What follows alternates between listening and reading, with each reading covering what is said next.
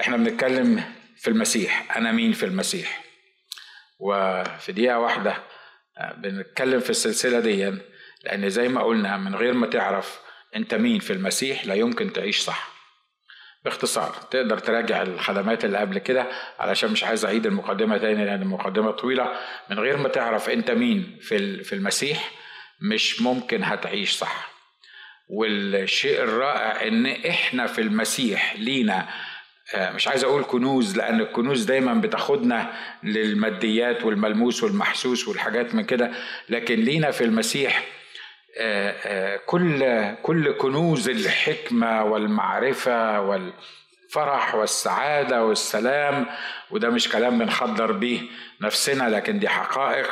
روحية من غير يسوع المسيح من غير ما تعرف أنت مين في يسوع المسيح حتى لو كنت متجدد حتى لو عرفت يسوع مخلص شخص لحياتك وما تعرفش أنت مين في المسيح تبقى عامل زي واحد عنده مفيش تشبيه نقدر نشبه بيه اللي أنا بقوله ده لكن عامل زي واحد بليونير معاه عنده حساب بالبلايين في البنك وهو عايش هوملس ليه؟ لأن هو مش عارف أصلا إن هو عنده الكلام ده آه، في البنك عشان كده إحنا في الخدمات دي الاثنين ثلاثة اللي فاتوا والنهاردة بنتكلم أنا مين في المسيح؟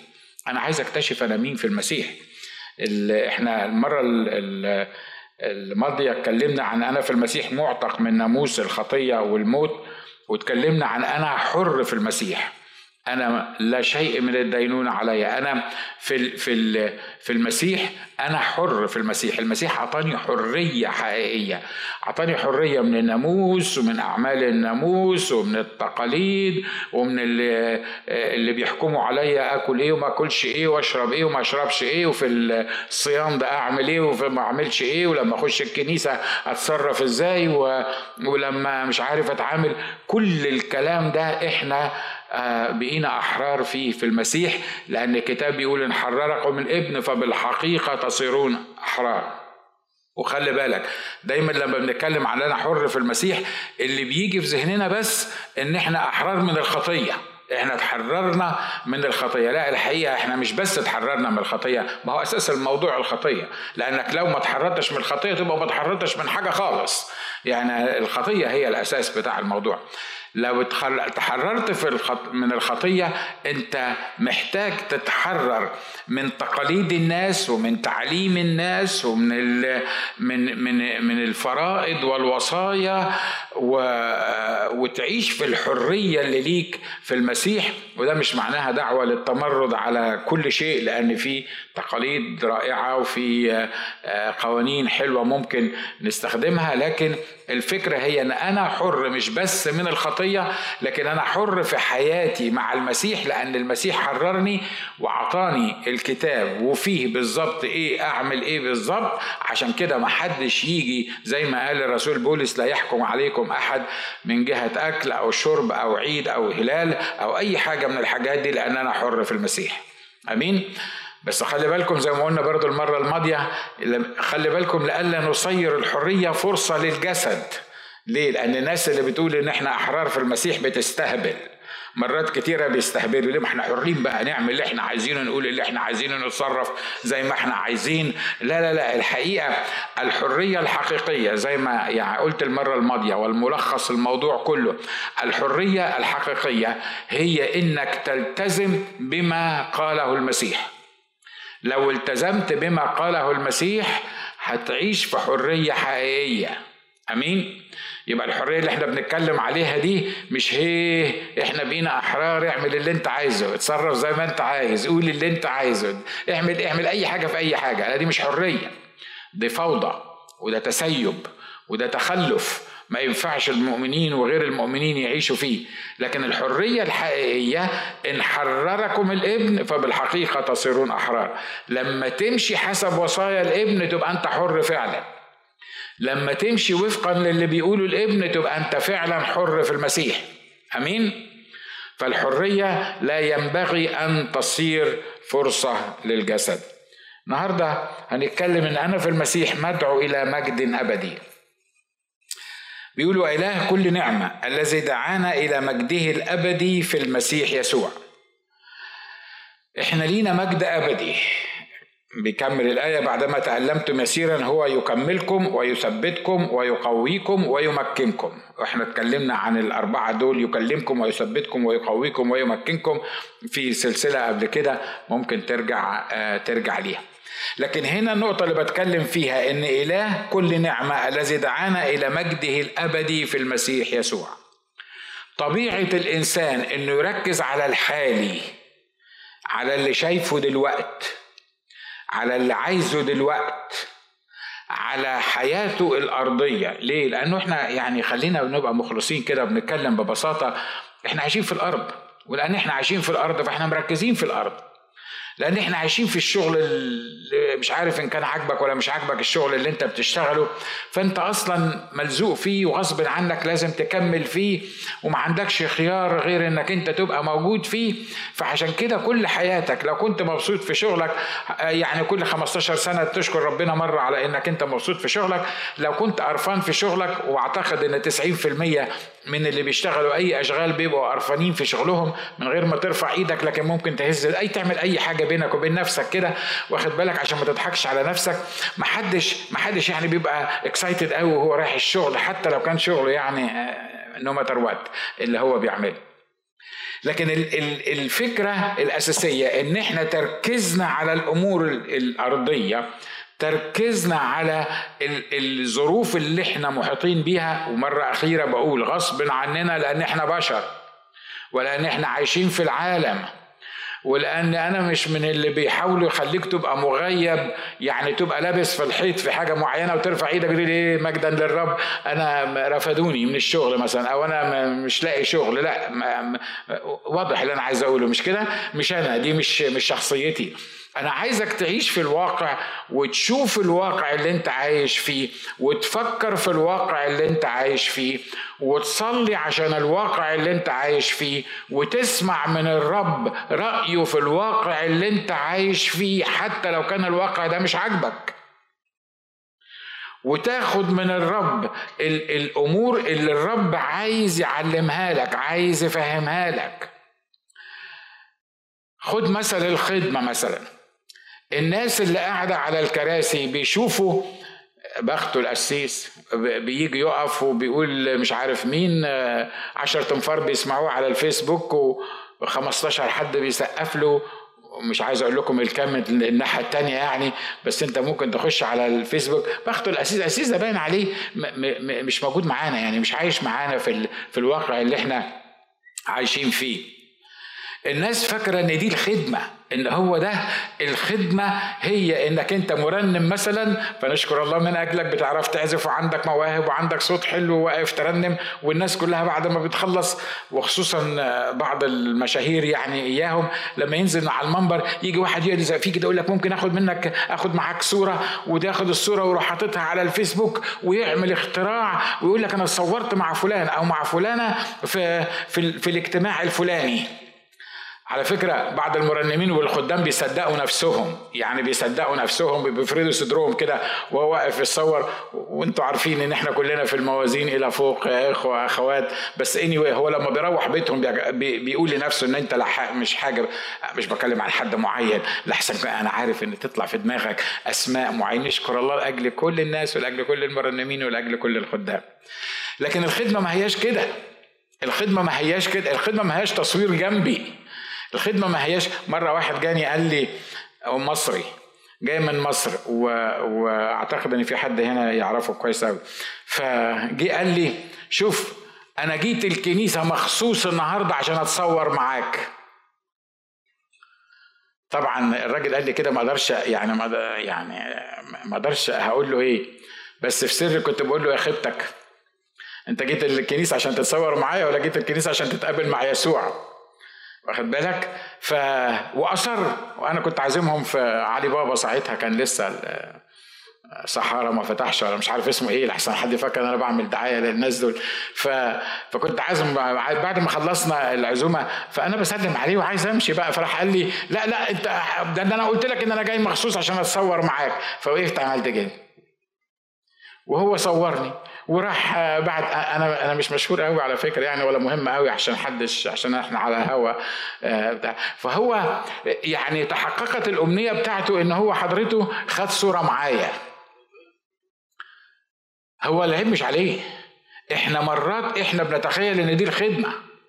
لأنك معروف ولأنك مشهور ولأنك طالع على الفضائيات ولأن عندك فلوس ولأنك بت مش عارف بتعمل إيه ولأن الناس بيقولوا لك ربنا يباركك وربنا يباركك ومش عارف عملت إيه. نسيت أنت مين؟ نسيت أصلك. وأنا نسيت أصلي. فاكر إن أنا اختراع. يعني يعني ما حصلش. ف ف ف ف فده تركيزي أنا من ناحية الخدمة مثلا أو من ناحية مش بقول أنا يعني أنا لازم أبقى أنا لكن بتكلم عن نفسي عشان ما حدش يزعل مني. ده بقي الخدمة بالنسبة لي آه، مفهوم مختلف. لو عايز تتعلم الخدمة الحقيقية وتفهم هي إيه روح اتكلم على اسيس مسعد.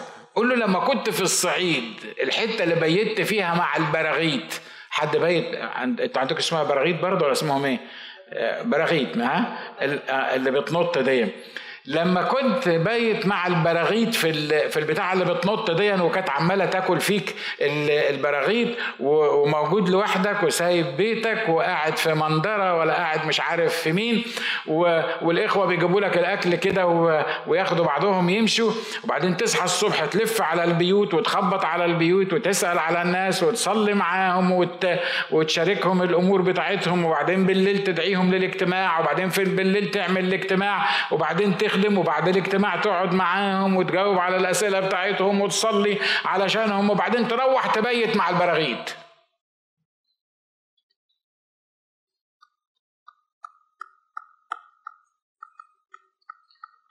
صح يا سيس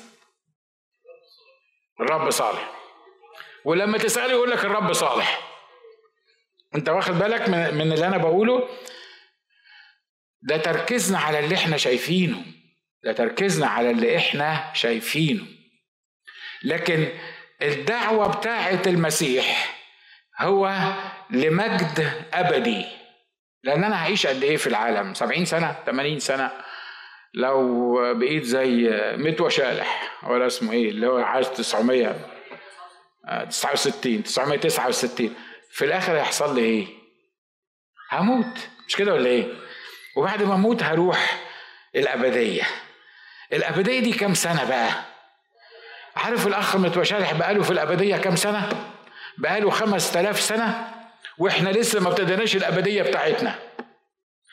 فالأبدية ملهاش نهاية. يا إخوة أخوات إحنا محتاجين نفهم دعوة الله لينا. دعوة الله لينا مش عشان نبقى كنيسية. دعوة الله لينا مش عشان نبقى مجرد مؤمنين. دعوة الله لينا مش حتى علشان ينقذنا من سلطان الظلمة وينقلنا إلى ملكوت ابن محبته. مش دي مش دعوة الله لينا. الله لما خلق الإنسان خلقه في جنة. والإبليس فكر إن هو لما وقع الإنسان خلاص خسر الإنسان الجنة وال وال والإنسان مستحيل يرجع للجنة مرة تاني. ده إحنا نشكر الله إن الإنسان ما يقدرش يرجع للجنة مرة تاني. عشان كده الرب حرس له شجرة الحياة. ليه؟ قال لك لحسن يأكل من شجرة الحياة ويحيا للأبد. طب ما خليه يحيا للأبد. ما تأكلوا من شجرة الحياة. مش هو كل من شجرة الخير والشر؟ ما تأكلوا من شجرة الحياة. قال لا ده لو كل من شجرة الحياة تبقى مصيبة. ده أنا موقف له حرس على شجرة الحياة دي عشان ما يقدرش ياكل منها. ليه؟ لأنه لو كل منها هيعيش في الحالة بتاعته دي للأبد تبقى مصيبة. ليه؟ لأنه هيعيش في حالة الخطية وحالة العصيان وحالة الانفصال عن الله. عشان كده حص... ح... عمل له حراسة حوالين شجرة الحياة عشان ما يقدرش يجي ياكل منها. لما تقرأ في سفر الرؤيا في الآخر خالص هتلاقي في شجرة حياة فوق اللي, اللي هتستمر معاك إلى أبد الأبدين لأن دي شجرة الحياة اللي عملها الرب ليك عشان تحيا في مجد أبدي. إيه أهمية اللي أنت بتقوله ده اخ ناجي؟ إيه أهمية المجد الأبدي دي؟ الكتاب قال إن خفه ضيقتنا الوقتية تنشئ لنا أكثر فأكثر ثقل مجد إيه؟ ثقل مجد أبدي. ما هو خلي بالك من الاثنين يا تعيش في العالم مركز على اللي موجود في العالم وده مش أبدي ده وقتي. عشان كده الكتاب قال ما تنظروش للأمور الوقتية الأمور التي لا التي ترى لأن الأمور التي ترى وقتية. لكن الأمور التي لا ترى اللي أنت مش شايفها بعينيك لأن إحنا مش شايفين المجد الأبدي ده شكله إيه. ومهما قرينا عن المجد الأبدي إحنا مش عارفين اللي لينا في المجد الأبدي. فعشان كده قال غير ناظرين إلى الأشياء التي ترى. بل التي لا ترى لأن التي لا ترى دي هي الأبدية هو ده المجد الأبدي اللي إحنا بنتكلم عنه. لما تعرف إن ليك مجد أبدي تتكلم عن كل اللي بيحصل معاك في الحياة كخفة ضيقتنا الوقتية. شوفوا لو أنا اللي قلت الكلام ده يعني لو أنا طلعت مثلا الجملة دي أو الآية دي وقلتها يقول لك آه يا عم أنت راجل فايق يا عم أنت راجل مبسوط في حياتك وعايش ومش عارف مين. فعشان كده بتقول يعني إيه خفة ضيقتنا الوقتية. لكن لما يقولها بولس الرسول لما يقولها الشخص اللي بعد ما كان في القمة حسب العالم حسب مقاييس العالم نزل هوا مرة واحدة وبدل المؤمنين اللي كانوا بيترعبوا منه خلي بالكم خلي بالكم اللي أنا بقوله. المؤمنين زمان كانوا بيترعبوا من بولس الرسول. مش كده ولا إيه؟ يسمعوا ان بولس جاي تبقى مصيبة.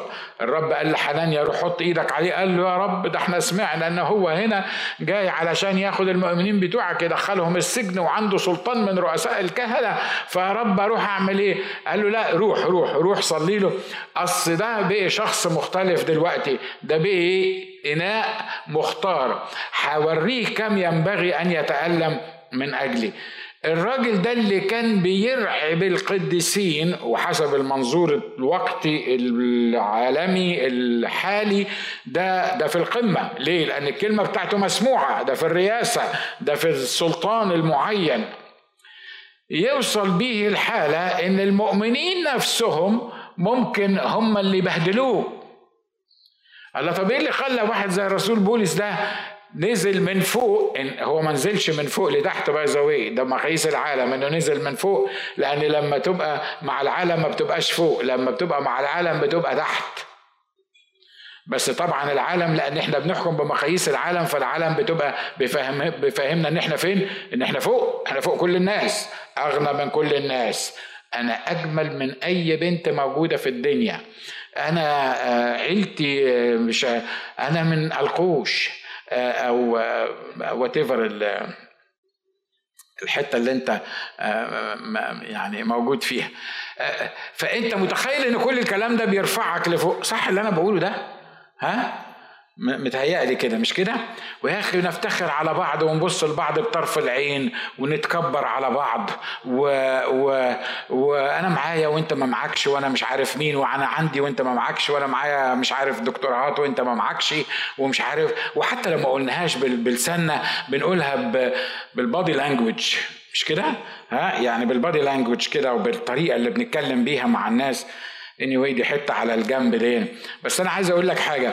الرسول بولس حسب حسب المقاييس الطبيعية كان فعلا واحد في مستوى آه، أرضي عالمي مرتفع. ليه؟ لأنه في الريس هو قال عن نفسه كده. بيقول يا اخوانا ده لو في حد من حقه يفتخر كنت أنا اللي أول واحد أفتخر. ليه؟ لأني يهودي إسرائيلي متربي عند رجلي غمالائيل في الريسي من جهة الناموس بلا عيب. وعمال يعدد يعدد يعدد الأمور. فعلا ما ينفعش إن واحد يعني تتجمع فيه كل هذه الصفات العظيمة.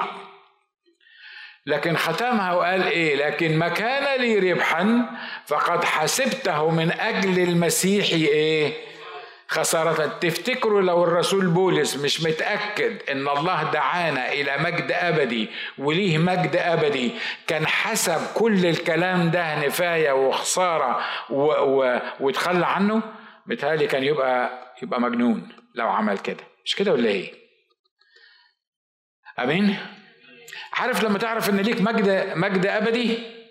ما يهمكش إن كان معاك فلوس ولا ما معكش فلوس وعندك saving account ولا ما عندكش وعندك قد إيه في ال saving account وعندك شهايد قد إيه. أنا مش بقول الكلام ده كله وحش وعيب وخطية وحاجات من كده لا. كل الحاجات دي رائعة وحلوة وتمام لو استخدمتها للرب. لكن لو أنت فاهم إن الموضوع أبدي الموضوع مش وقتي الموضوع مش أرضي لو انت فاهم الحقيقة دي انك مدعو لمجد ابدي مش هيفرق معاك اي حاجة تحصل معاك في الأرض. ليه؟ اصل أنا مش من هنا. عارفين الترنيمة اللي بتقول كده؟ بيقول لك أنا مش من هنا أنا ليا وطن تاني. ولاني أنا عارف ان أنا ليا مجد ابدي وعارف ان المجد الابدي ده هيبتدي مش هينتهي إلى ابد الابدين فأقدر أقول مع الرسول إن خفة ضيقتنا الوقتية تنشئ لنا أكثر فأكثر ثقل مجد إيه؟ ثقل مجد أبدي. الرسول عايز يقول يا جماعة افهم إن المجد اللي دعاك ليها الله أنت في المسيح ليك مجد أبدي. وأهم حاجة كلمة أبدي ديت. ليه؟ لأن المجد بتاعك ده يعني يسوع مش هياخدك شوية كده يقول لك شوف أنا فرجتك بقى على السماء وأدي المجد اللي يعني الرائع العظيم بصراحة كده أنت تستاهل سنة تقعد هنا. ويمكن واحد تاني أحسن مني شوية يستاهل ثلاث أربع خمس سنين. الموضوع مش كده. الموضوع إنك أنت وانس إنك عرفت يسوع المسيح بقي ميراثك الميراث الذي لا يفنى ولا يتدنس ولا يضمحل هو مجد أبدي محفوظ ليك. مفيش قوة ولا شيطانية ولا غير شيطانية تقدر تاخدك منه أو تاخده منك. أمين؟ حد مصدق اللي أنا بقوله ده؟ صدقوني مرات كتيرة حتى وإحنا مصدقين بننساه مش كده؟ وأصغر حاجة تحصل معانا في الأرض أصغر حاجة أنا بكلم عن نفسي. انت راجل كويس وانت ست شربات. أنا بتكلم عن نفسي. يمكن اصغر حاجة تحصل معايا انسى المجد الابدي وانسى ان أنا مدعو في المسيح وانسى ان أنا آه، آه، خفه ضيقتنا الوقتية وانسى الكلام اللي أنا آه، بوعظ بيه واشيل الطين واشيل الهم واكشر وادور على حل للمشاكل اللي اللي موجودة بطريقة أو أخرى. يا إخوة أخوات أنا وأنتم لينا مجد أبدي في المسيح. بص للي جنبك وقول له أنت مجدك أبدي في المسيح. أمين؟ عشان كده الرسول بولس بيقول في الآية بتاعتنا دي الرسول بطرس بعدما تألمتم يسيرا. والرسول بولس قال باي ذا نفس نفس المعاني. بعدما تألمتم يسيرا لا الحقيقة الناس اللي كان بيكتب لهم دول ما تألموش يسيرا. الناس اللي كانوا بيكتب لهم دول ما كانوش ما تألموش يسيرا. ليه؟ لأن اللي كان بيعلن إن هو هيمشي ورا المسيح كانت العيلة بتسيبه. كان ممنوع يخش السيناجوج ولا العبادة بتاعته.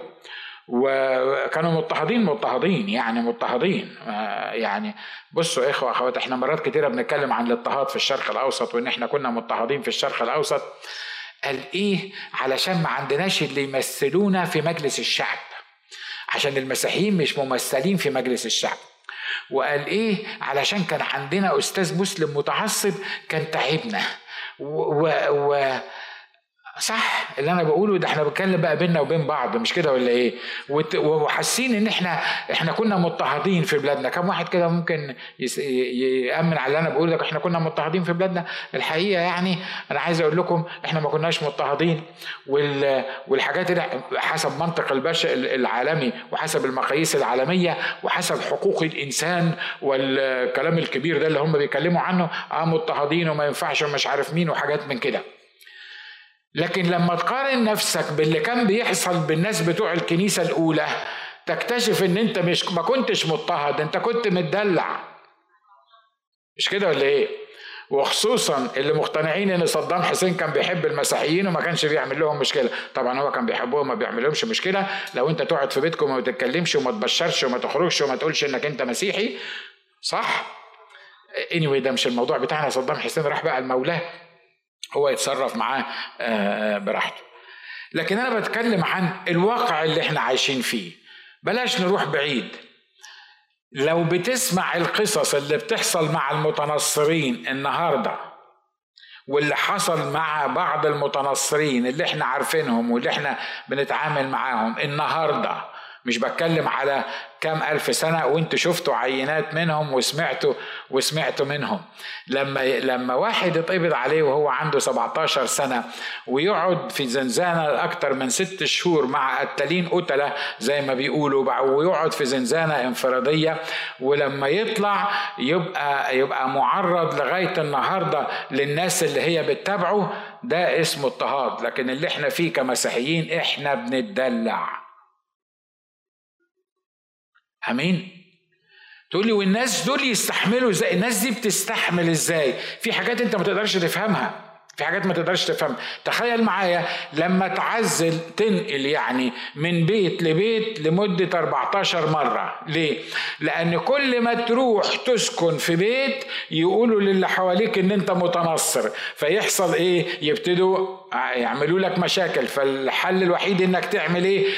تفك العفش بتاعك وتنقل للبيت اللي بعديه على رأي واحد من اللي جم يتكلموا عننا مش عايز أذكر أسماء عشان إحنا على الهوا.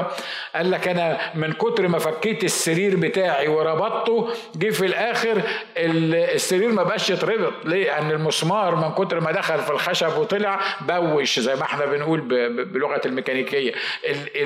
المكان بتاع ما بقاش السرير يتربط. لما تبقى قاعد في بيتكم وبعدين ابنك يتصل بيك ويقول لك المدرسة ضربتني لأن الولاد قالوا لها إن أنا مسيحي. في المدرسة. آه طبعا إحنا ممكن نستحمل أي حاجة بس ما نستحملش أي حاجة تيجي عند ابنك. مش كده ولا إيه؟ ها؟ استحملش أي حاجة تيجي عند ابنك. أنا فاكر أول مرة قابلنا العيلة دي اللي أنا بتكلم عنها أنا وأماني. آه كنا لما بنسافر مصر نروح جايبينهم مرة واحدة وإيه ونقعد مع بعض ونقضي وقت كويس مش العيلة دي بس عائلات كتيرة ونروح مطعم كده على الجنب ونروح يعني إيه نعمل أكلة كويسة ناكلها مع بعض. وبعدين وإحنا قعدنا ناكل ومش عارف مين وواحد ومراته وشاب صغير أقدر أسميه طفل يعني بتاع 10 11 سنة كده كان موجود معانا. وبعدين وإحنا قاعدين بناكل وفرحانين ومبسوطين وبتاع حاجات من كده. وبعدين أنا آه، دخلت اغسل إيديا. بعد ما أكلت جيت لقيت الأخت اماني منهارة وبيسكتوا فيها وعمال وبتاع. أنا قلت خير اللهم اجعله خير. ده أنا رحت الحمام وجيت. إيه يعني إيه إيه اللي حصل؟ سمعت خبر منين ولا ولا إيه بتاع؟ فأول ما جيت الأخ اللي هو كان معانا ده بيقول لي انت مراتك دي قديسة. فبقول له ليه يا عم؟ إيه اللي حصل؟ قال لي ده أنا بحكي لها اختبار صغير حصل مع الواد الصغير دون راحت عملت اللي أنت شايفه ده. آه كله. ليه؟ لأنه إحنا مش متوقعين كده. إحنا ما عشناش الكلام ده. بعدين أنا بقى بقف بوعظ بقول لك إيه؟ إن خفه ضيقتنا الوقتية. خفة إيه بقى إن شاء الله؟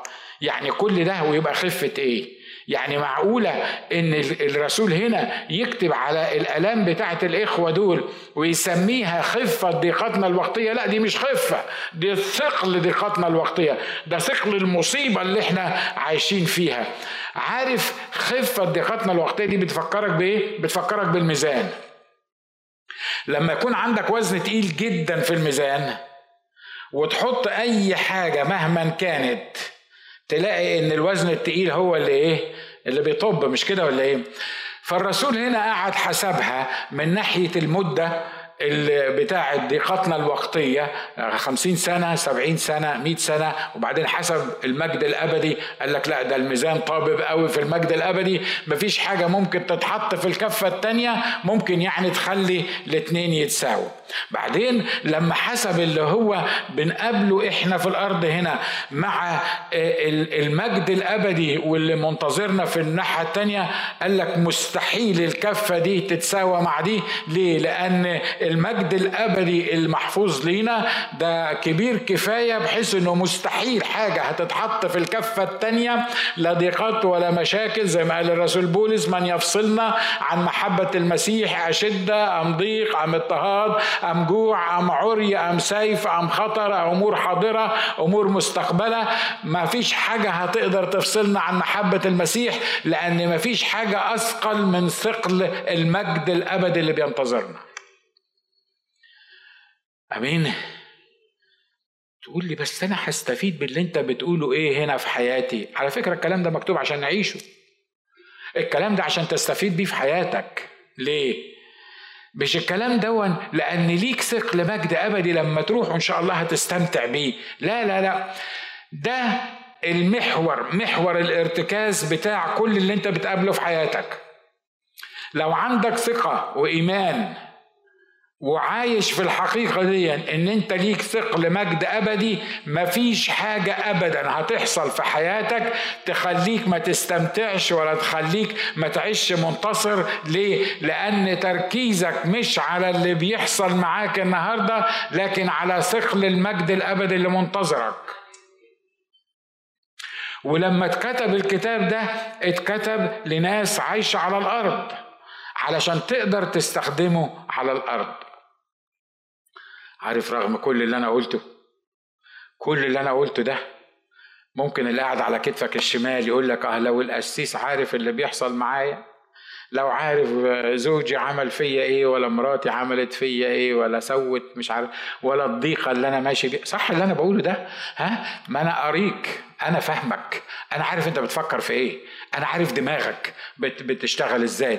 تقول لي عارف إزاي. أنت يعني يعني دخلت في دماغي يعني أنت عارف دماغ كل واحد داخل فيها. لا أنا ما دخلتش في دماغك. أنا دخلت في دماغي أنا لأن مرات كتيرة حتى أنا وأنا اللي بقول الكلام ده. وأنا بوعظه. لما أتزنق في حاجة معينة أو في موقف معين بنسى القصة كلها وما بشوفش إلا الهيافة والتفاهة اللي أنا يعني ممكن تكون مواجهاني. وبنسى حتى كلام الوعظ ده اللي إحنا بنوعظه.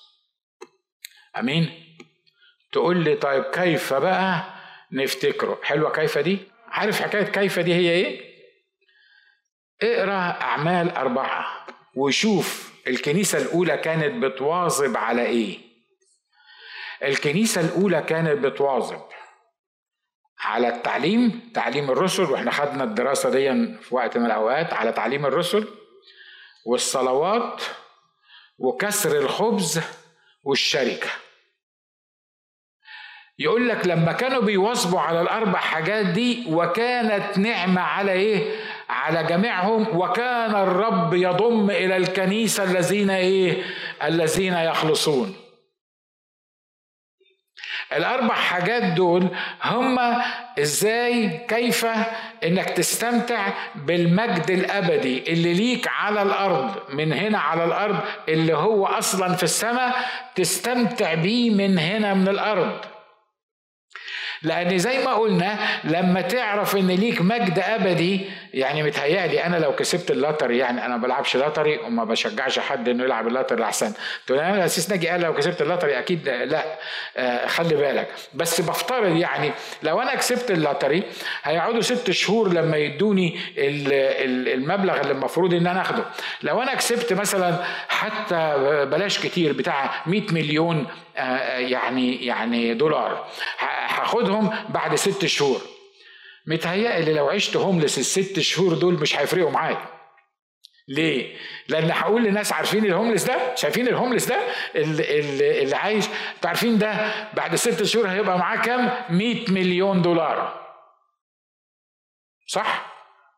أنا ما كسبتش لاتري ما فيش 100 مليون دولار عشان أنا على الهوا لأحسن واحد يطلع يقول لك هو صحيح الأسيس ناجي كسب 100 مليون دولار يعني ما ما ما, ما حصلتش فاللي أنا عايز أقوله لك إنك لما تركز على المجد الأبدي هتعرف تعيش في زمان الحاضر. وده السبب اللي الكتاب قال عنه كده. بيقول كل ما تركز في المجد الأبدي كل ما تكتشف اللي ليك في المجد الأبدي كل ما قدرت تستخدم هذا المجد في الوقت الحاضر. أنا ما بحبش ابدا إن إحنا دايما نرمي الموضوعات على اللي جاي على اللي جاي. آه أمين يا أخونا ولما نروح السماء مش عارف الرب هيعمل لنا إيه. أنا عايش في الأرض أنا مش عايز أعيش مزربل في الأرض مستني السماء. لا أنا عايز أعيش في في, في الأرض أعيش السماء في الأرض. وده ممكن يحصل لو أنا فهمت إن أنا ليا ثقل مجد أبدي. تقول لي هو لسه في الأيام دي في حد بيفكر بالطريقة دي وفي حد عايش بالطريقة دي؟ بفتكر سابينا وورن براند مرات ريتشارد وورن براند. ريتشارد وورن براند اللي هو كاتب كتاب العذاب الأحمر اكتب ريتشارد ويليام براند وانت هتعرف مين هو الراجل ده. الراجل ده كنا قريبين جدا أنا وأماني منه هو ومراته سابينا. ده عاش 14 سنة في في السجون الشيوعية في رومانيا. لأجل المسيح. ومراته عاشت ثلاث سنين ونص في المستع... في ال camps بتاعه الأشغال الشاقة. برضو بس لأن هم للمسيح. كان ريتشارد ومراته وعندهم ابنهم كان اسمه ميهاي دلوقتي اسمه مايكل ولسه موجود على فكرة في كاليفورنيا قريب وكان بيكلمني قريب. فاني هذا المايكل كان ساعتها عنده 12 سنة وبعدين ما, ما قبضوا على أبوه وأمه وكان هناك محدش يقدر يساعد أي طفل أو كبير أو صغير مقبوض على حد من عيلته بسبب التبشير. فعشان كده الولد بعد ما كان عايش مع أبوه وأمه والراجل اللي أنا بقول لكم عليه ده مخه ذري يعني ما أقدرش أقول لكم يعني واخد كام دكتوراه في الفلسفة والبتاع والقصص دي كلها. فاتقبض عليهم هما الاثنين الواد الست قعدت ست شهور ما شافتوش. وهو وابوه بس هو ولد وحيد. وعارفه إن محدش هيقدر يساعده لأن اللي هيساعده هيخش السجن. ففاهمه إن ابنه ابنهم ده فعلا ليترالي حسب ما أنا سمعت منه ما مدون في الكتاب كان بيروح يدور في الزبالة على أي أكل ياكله لأنه مش لاقي حد يأكله لأن أبوه وأمه في السجن. طبعا أنت ممكن تستحمل السجن أنا متأكد من كده. أنت ممكن تستحمل السجن بس ما تستحملش ابنك يروح يدور في الزبالة على أكل. مش كده ولا إيه؟ ها؟ ولا بنتك تروح تدور في الزبالة على أكل لانها مش لاقية تاكل. بعد ست شهور بعد ست شهور سمحوا لها لأول مرة تشوف ابنها. تخيلوا معايا واحدة ما شافتش ابنها بقالها ست شهور. ست شهور ما شافتش ابنها. وعارفة إن ابنها هوملس ومطرود ومش لاقي ياكل. تفتكر هتقول له إيه؟ يعني يعني لو أنت أم بقى إن شاء الله يعني بعد ألف شر عليكي لو أنت أم وهتشوفي ابنك ده لمدة ثواني لأول مرة بعد ست شهور في الظروف اللي هو فيها إيه اللي ممكن تقوليه له؟ إيه كل كلمة هتقوليها هتبقى محسوبة عليكي ليه؟ لأن الحراس واقفين. ولأن ما عندكيش وقت كتير ولأن ابنك ما شفتهوش بقال بقالك ست شهور متهيألي متهيألي يعني على الأقل هتقولي له أنت عامل إيه يا حبيبي؟ مش كده؟ مش كده ولا إيه؟ بتاكل ولا أي, أي كلام في أي كلام.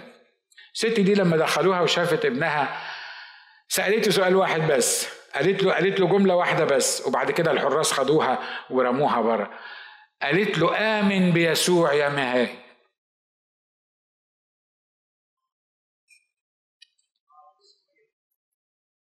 أصله كمان صعب إنك تتكلم على حد عشت معاه. وعرفت ولسه ليك علاقة بيه بالمنظر ده. الست نسيت كل حاجة كل حاجة كل حاجة. ما سألتش على أخباره ما سألتش بياكل ولا ما بياكلش. ما سألتش هو بيعمل إيه مين بيساعدك يا حبيبي ولا مين ما بيساعدكش؟ بتنام فين؟ عندك مكان تنام فيه ولا ما عندكش تنام فيه؟ نسيت كل الحكاية دي بس قالت له الجملة دي آمن بيسوع يا مهاي. راحوا شايلينها الحراس ورامينها جوه. ليه؟ لأن هي دي بتبشر. قالت أربع كلمات. آمن بيسوع يا مهاي وخلصت المقابلة. الولد لما طلع مشي في الشارع قال لو كانت أمي نسيتني أنا في اللي اسمه يسوع ده وكان كل اللي يهمها إنها تقدم لي يسوع يبقى يسوع ده حقيقة وأنا هآمن بيسوع وسلم حياته للمسيح immediately. رغم إنه قبل ما يسمع الجملة دي من أمه كان متعقد من يسوع. وكان مش عايز يشوف يسوع. ليه؟ لأنه طفل عنده 12 سنة وأمه اتخذت منه بسبب يسوع. وأبوه اتخذ منه بسبب يسوع. طب لما بتقولوا إن يسوع يقدر يعمل كل حاجة خدكم ليه؟ ما قدرش يطلعكم من السجن ليه؟ ما قدرش. سيبك من مهاي أنا بتكلم عليا أنا وعليك مش كده؟ لما يسوع يقدر يعمل كل حاجة ما حلش المشكلة دي ليه؟ ما تصرفش في الوضع ده ليه؟ ما عوضنيش عن الخسارة دي ليه؟ ما, ما تصرفش في الموقف ده ليه؟ الحقائق الكتابية بتقول الله يستطيع يسوع يستطيع كل شيء ولا يعثر عليه أمر. هو ده اللي أنا بصدقه أن خفة ضيقتنا الوقتية تنشئ لنا أكثر فأكثر ثقل مجد أبدي. الأسئلة دي كلها رغم إن إحنا مفروض بنسألها لأن إحنا طبيعتنا البشرية ضعيفة مش ما فيهاش مشكلة. لكن في النهاية يسوع عارف هو بيعمل إيه مع أولاده. آمين؟ الواد اتجدد. هي اتخذت طبعا. مش هيشعروا لها برافو عليك أنت قلتي آمن بيسوع يا مهاي. خدت بسطة عراقية محترمة. دخلت متكسره دخلت الزنزانة بتاعتها كان معاها بنتين تانيين آه، مسيحيات مقبوض عليهم لأن هم مسيحيات ومعاهم واحدة ملحدة. معاهم واحدة ملحدة. فكانوا دايما هم يختفوا تحت السرير كده المؤمنين دول لأن ما عندهمش كتب المقدسة وبعدين يبتدوا يراجعوا الكتاب المقدس عشان ما ينسوهوش. كل اللي حافظ آيات واحدة منهم حافظه آيات تفضل إيه تقول في في الآيات اللي هم حافظينها عشان يعزوا بعضهم بعض بهذا الكلام لأن هينسوه. ليه؟ لأن هم في السجن ما بيقدروش يقروا أي حاجة. فكانوا يعني الست الملحدة دي لما بتشوفهم بيعملوا كده كانت بتقول عليهم مجانين. ليه؟ لأنه لو يسوع ده حقيقة ما كانش سابهم في اللي هم فيه. لو يسوع ده حقيقة ما كانش سجنهم. مش إحنا مرات كتيرة بنقول ليه يسوع يسمح ل 11 تلميذ من تلاميذه يموتوا مقتولين؟ بإيدين الناس. هو كان يسوع فين؟ هو فين يسوع؟ ب 11 واحد بيموتوهم سيبنا كل شيء وتبعناك ومشينا وراك وبعد ما طلعت ودتنا للعالم أجمع وكرزنا بالإنجيل للخليقة كلها ونشرنا التعليم بتاعتك وشفينا ناس وخرجنا الشياطين من عن الناس هو أنت فين؟ هو لما نيجي نتزنق ونحتاجك ما نلقكش أنا مش بتكلم عن التلاميذ بس أنا خلصت الخدمة بتاعتي أنا بتكلم عني وعنك مش كده ولا إيه؟ إحنا خدمناك إحنا عشنا لك. إحنا ما رضيناش نعمل الحاجة الفلانية علشان خاطرك. إحنا اتحدينا مش عارف مين علشانك أنت. هو أنت فين؟ عارف هو فين؟ هو هنا. وهنا وفي حياتي. ومش ده اللي هيخليني أسأله أنت فين ولا مش أنت فين. لأن هو قبل ما يطلع قالها أنا معكم كل الأيام وإلى انقضاء إيه؟ وإلى انقضاء الدهر. البنات دول كانوا موجودين بعد ما اتضربوا يعني تحت السرير بيقروا الكتاب المقدس. الحارس بتاعهم بص من خرم الباب لقاهم تحت السرير. فهو عارف إن حكاية تحت السرير دي يبقى بيقروا الإيه؟ الكتاب بتاعهم. راح مطلعهم وعطاهم يعني ضرب ده كلمة بسيطة أو بسطة دي كلمة كلمة بسيطة. كسرهم يعني فلشهم بالعراق. يعني وراحوا جايبينهم بعد ما مفلشين ومجروحين ومش عارف مين وراح رميهم في الأوضة. أول حاجة عملوها قالوا إيه؟ ابتدوا يحضنوا في بعض ويقولوا إن خفة كمل. ضيقتنا الوقتية. تنشئ لنا أكثر فأكثر ثقل مجد أبدي عارف الست الملحدة قالت إيه؟ الست الملحدة لما شافتهم بالمنظر ده قالت لو بعد اللي عملوه فيهم الحراس دول وكسروهم لسه مصدقين الراجل ده اللي اسمه المسيح اللي قال لهم ان ان إن ليكم مجد أبدي أنا عايز أتعرف على المسيح ده وقبلت المسيح مخلص شخص لحياتها في نفس اللحظة. أمين يا إخوة وأخوات أنا مش هكمل في حاجة تاني بس اللي أنا عايز أسيبه معاك واللي نفسي تقوله لنفسك احفظه وردده وأنت سايق ردد الكلام ده يا رب فكرني أنا أعمل كده كمان عشان ما بقاش بس بقول لهم من هم الناس الطيبين دول بس. أنا بصلي أهو عشان أنا أنا ممكن أنسى زيكم يعني. وردد الكلام ده في كل موقف قبل ما تركب السيارة قول أنا ليا ثقل مجد أبدي. أنا مدعو للمسيح في المسيح لمجد أبدي. لما تقابلك مشكلة قول أنا مدعو إلى مجد أبدي في المسيح. أنا في المسيح ليا مجد أبدي. لما حد يحاول يمجدك سواء كنت خادم أو مرنم أو أو حد كده حاول إن هو يحسسك بإنك أنت سوبر ستار قول لنفسك كده أنا في المسيح مدعو لمجد أبدي. أنا في الم... قولوا معايا. أنا في المسيح مدعو لمجد أبدي. تعالوا نحن رؤوسنا ونصلي. قول يا رب أشكرك لأجل هذا المجد الأبدي. أشكرك. أشكرك لأن أنا مش لوحدي أشكرك لأن أنا الموضوع مش هينتهي عند هنا وخلاص. الموضوع مش مش اللي أنا بواجهه دلوقتي وانتهت الأمور. الموضوع مش صراعي علشان أعيش صح ولا غيري. أتريك دعا دعتني إلى مجد أبدي. مكتوب عنه وإله كل نعمة. يعني ده مش هيحصل إلا على حساب نعمة الله. هذا المجد الأبدي إحنا ما عملناش حاجة علشان نحصل عليه. إحنا حصلنا عليه لأن إلهنا اسمه إله كل نعمة.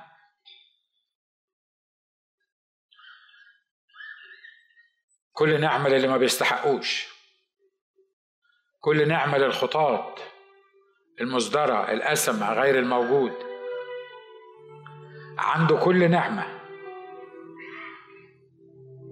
وأنعم علينا في المحبوب يسوع.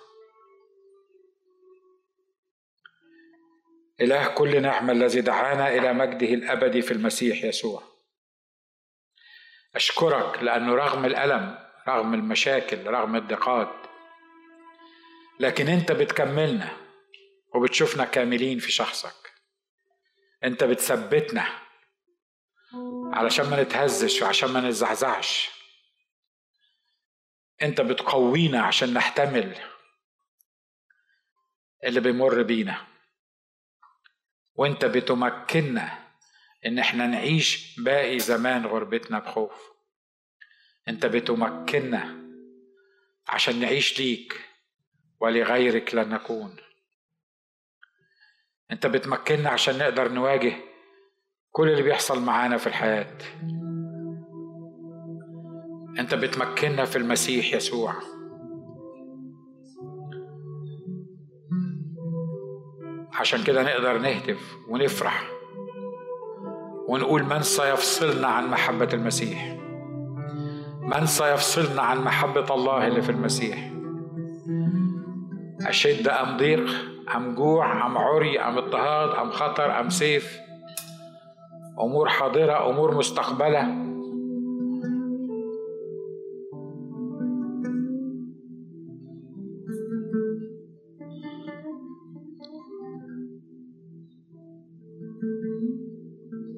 لو كان الرب كلمك النهارده عن علاج حاجة في حياتك كنت مركز عليها وهو عايز يقول لك إن أنت ليك ثقل مجد أبدي سيبك من التركيز على المنظور واللي بنقراه واللي بنشوفه. والنهاردة تطلع للمجد الأبدي اللي أنا أعديته ليك. لو كنت أنت الشخص ده أقف معايا على رجليك. أنا واقف معاك. أنا واقف معاك لأن أنا محتاج للكلمات دي. أنا محتاج للكلمات ديت إن نظري يكون مثبت على المجد الأبدي اللي ليا في المسيح يسوع. علشان أقدر أقول إن خفة الضيقات الوقتية تنشئ لي ثقل مجد أبدي.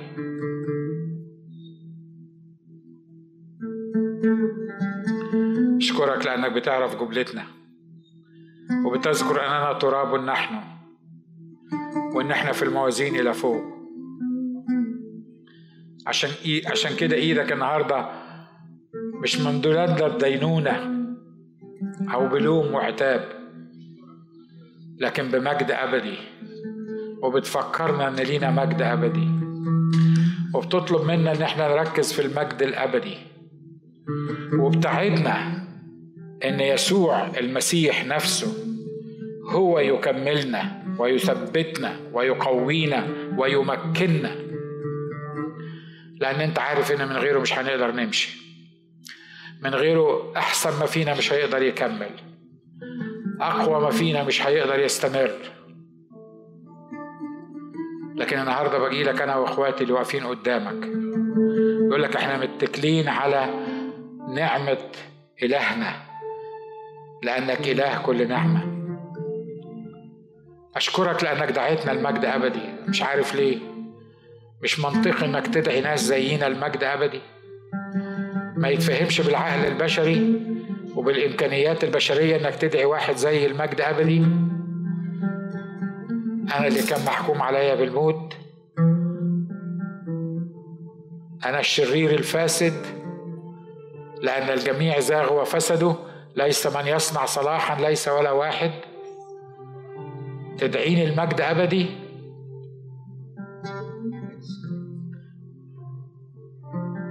أنا بشكرك.